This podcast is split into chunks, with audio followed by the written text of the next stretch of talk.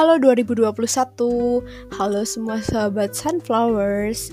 Akhirnya kita bisa ketemu lagi di podcast kali ini. Kayaknya udah lama banget aku nggak ngepodcast ya. Karena ini 2021 udah berjalan cukup lama. Uh, kali ini aku mau sharing-sharing aja ya teman-teman. Aku nggak mau ngangkat topik-topik yang terlalu berat uh, untuk mengangkat topik yang terlalu berat itu biasanya aku kan butuh narasumber gitu juga kan ya. Orang yang ahli dalam memecahkan topik seperti itu. Tapi kali ini aku bakal sharing aja pengalamanku tentang mengubah diri. Mengubah diri itu sebenarnya nggak susah sih teman-teman. Cuman butuh lingkungan yang mendukung butuh niat pastinya tuh butuh niat yang kuat and kita nggak lupa buat meminta kepada Tuhan kayak bimbingan gitulah.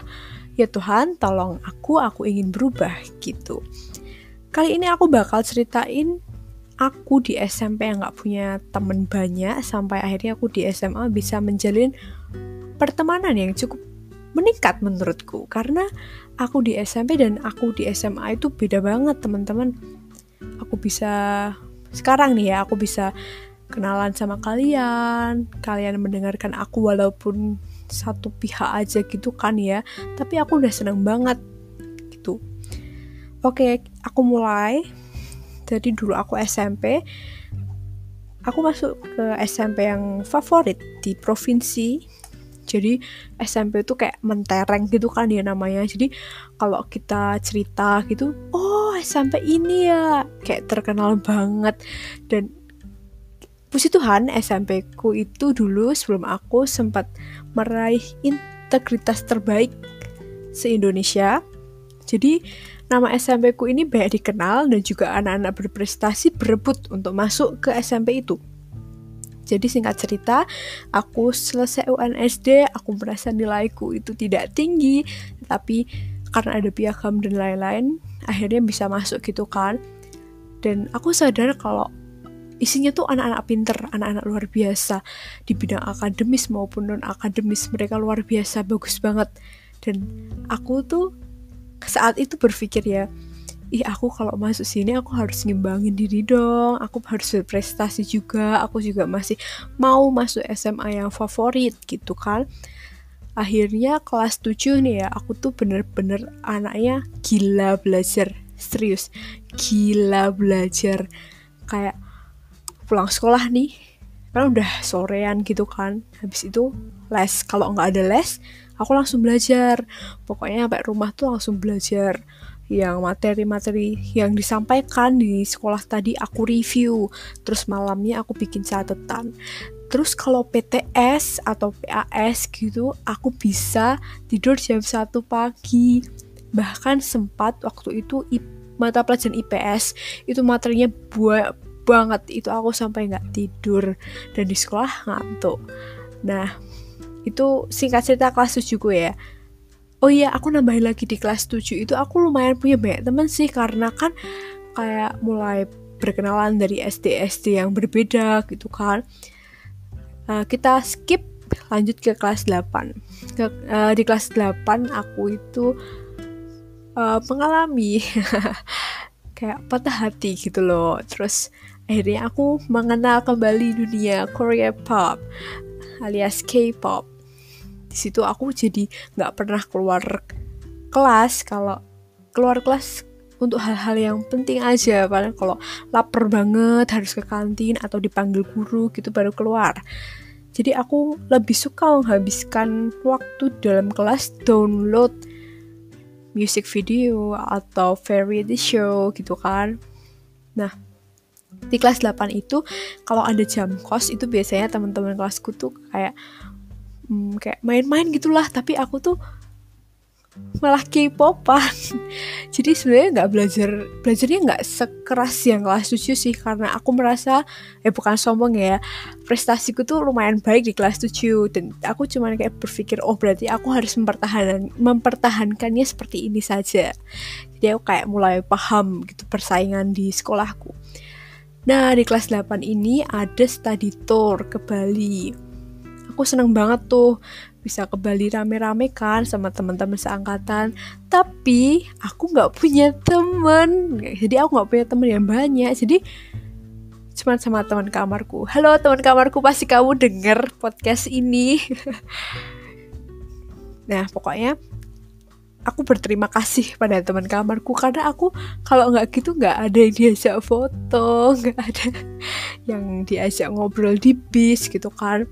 Jadi kelas 8 tuh mulai terlihat bibit-bibit gitulah. Kalau aku nih sebenarnya nggak punya banyak temen. Uh, waktu itu temenku itu paling dari temen satu gereja temen komsel temen ibadah gabungan gitu. Dan aku kayak sama sekali nggak mengenal anak-anak di luar SMP ku kecuali alumni SD gitu kan. Kayak bener-bener aduh dalam hati sebenarnya prihatin sih sama diri. Kayak aku kok nggak punya banyak temen ya? Padahal temenku tuh kayak oh si ini ya dari SMPC ya. Kayak tahu dan aku kayak aduh ini siapa lagi? Jadi itu kelas 8 ya. Kelas 9 kelas 9 nih pasti adalah masa-masa paling berat bagi anak SMP karena UN, US, ujian praktik dan yang lainnya. Aku kayak fokus banget ke UN gitu sih anaknya. Jadi temenku di kelas itu nggak banyak juga cuman ada enam orang sama aku itu di kelas. Terus di kelas sebelah ada temen juga. Nggak banyak asli. Nggak banyak karena juga teman-teman yang satu kelas sama aku waktu kelas 9 tuh bisa dikatakan anak-anak hit sekolah jadi kayak aku tenggelam gitu di antara mereka nah kelas 9 itu aku mulai dapat kabar kalau uh, sistem untuk masuk ke SMA itu adalah zonasi. Sementara rumahku tuh jauh banget dari sekolah favorit. Bahkan di dekat rumahku tuh nggak ada SMA yang deket gitu loh yang bisa aku masuk dengan bebas dengan enak dengan nggak usah mikirin nilai pakai zonasi aja gitu tuh nggak ada. Dan akhirnya aku belajarnya lumayan keras lagi kayak di kelas 7 mengejar banyak banget ketertinggalan. Pokoknya pulang sekolah les pulang les belajar sampai malam bangun berangkat sekolah tambahan. Dulu kalau nggak salah nih ya sekolahku tuh tambahan jam 6 lebih 15 dan pasti jam 6 kurang 15 itu aku udah di atas motor gitu kan udah mau berangkat dan itu pagi banget. Jadi itu kelas 9 tuh muka aku nggak ada seger-segernya Terus aku mulai menjalin pertemanan yang cukup baik dengan teman-teman sekelasku itu waktu ada ujian praktik. Karena itu kan kelompok gitu kan. Mau nggak mau kita harus berkomunikasi dengan baik. Jadi intinya SMP tuh aku bener-bener nggak punya temen yang banyak. Dan sekedar tanya kabar atau apa ngobrol singkat gitu tuh nggak ada yang nyaut sering. Jadi dikit temanku dikit asli. Tapi waktu masuk ke SMA nih ya kayak aku tuh tertampar sama kata-kata orang tua aku kalau kamu nggak ada temen kamu nggak ada relasi kamu mau jadi apa di masa depan? Bertemanlah carilah kegiatan positif untuk berteman. Ambil juga dampak positifnya. Semenjak orang tua aku bilang kayak gitu aku jadi kayak sadar gitu loh teman-teman kalau aku tuh nggak bisa hidup sendirian sebenarnya. Ya semua manusia seperti itu. Dan di SMA aku mulai kenal banyak temen. Dan itu nggak cuman dari jurusanku nggak cuman dari sekolahku.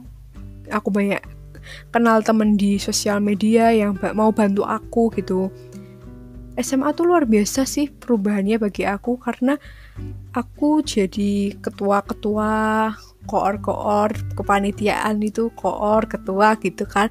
Jadi itu lebih banyak kepercayaan yang diberikan kepada aku gitu loh jadi aku bisa buktiin ke teman-teman kalau sebenarnya aku itu nggak seno life itu. Aku juga bisa mimpin kalian. Aku juga bisa berada di tengah-tengah kalian dengan keadaan yang baik. Aku juga bisa bekerja sama. Karena ya aku dari SMP tuh kayak dapet cap gitu sama teman-teman kalau aku tuh ambis. Padahal aku tuh bukannya ambis. Ya ambis ya normal-normal aja. Tapi aku lebih pengen fokus ke pendidikan gitu loh. Karena dulu aku sama sekali nggak berpikir untuk berteman dengan banyak orang gitu. Tapi di SMA cukup menyadarkanku sih teman-teman kalau semisal berteman itu juga penting. Berorganisasi itu juga penting. Nah sekarang aku mau kasih tips ke kalian.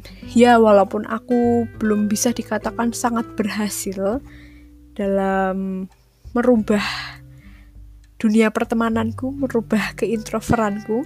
Tetapi aku punya tips, caranya tuh mulai buka diri, mulai taruh kepercayaan ke orang lain.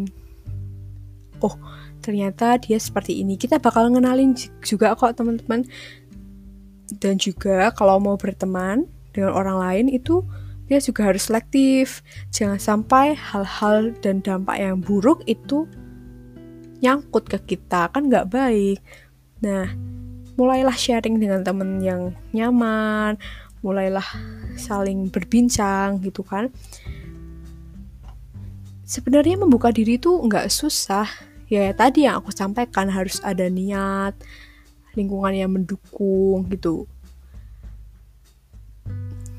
So buat teman-teman yang pengen banget merubah diri membuka diri gitu tuh tipsnya adalah niatin dulu aku harus punya banyak temen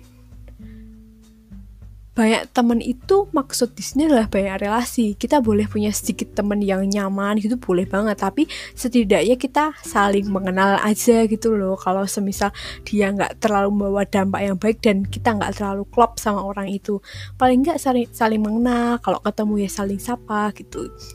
Yang pertama niat. Yang kedua minta pertolongan Tuhan, berdoa. Tuhan, aku pengen kehidupanku diubah. Kayaknya aku kayak gini banget deh dulu. Nah gitu. Tuhan pasti tahu kok. Lalu setelahnya adalah action. Caranya mengenali banyak orang itu masuk ke organisasi masuk ke ekstrakurikuler. Dan di sana kita juga harus aktif biar teman-teman itu juga tahu siapa kita, bagaimana kiprah kita gitu kan. Dan juga ini kayak tips terakhir sih ya kalau pengen berteman di sosial media carilah orang yang satu pemikiran dengan kita. Kalau kamu sukanya belajar carilah orang yang suka belajar. Kalau kamu sukanya musik carilah orang yang suka musik. Dan jangan pedulikan bicaraan orang yang jelek-jelek gitu. Jadi hiduplah sesuai dirimu sendiri. Mulailah buka diri. Kalau semisal susah buka diri carilah teman yang deket curhat gini gini gini. Nah kalau temanmu itu tanggapannya bagus berarti kan artinya nggak ada yang salah dengan dirimu kan? Nah setelah itu kita bisa naik agak naik agak naik ikut kepanitiaan ikut organisasi. Gitulah pokoknya. Itu aja ya kayaknya tips dari aku buat merubah diri. Bukan tips sih sebenarnya aku lebih kayak sharing. Aduh mungkin agak nggak jelas kan ya jadi ini adalah akhir dari podcastku. Kalau ada kesalahan kata atau berucap atau mungkin melukai hati itu mohon dimaafkan. Kalau ada pertanyaan bisa masuk ke DM. Ada kan? Twitterku apa? Kalau nggak kasih kretonya aja boleh. Oke, okay. terima kasih sahabat Sunflower. Senang sekali bisa berbagi pengalaman dengan kalian. Terima kasih, sampai jumpa.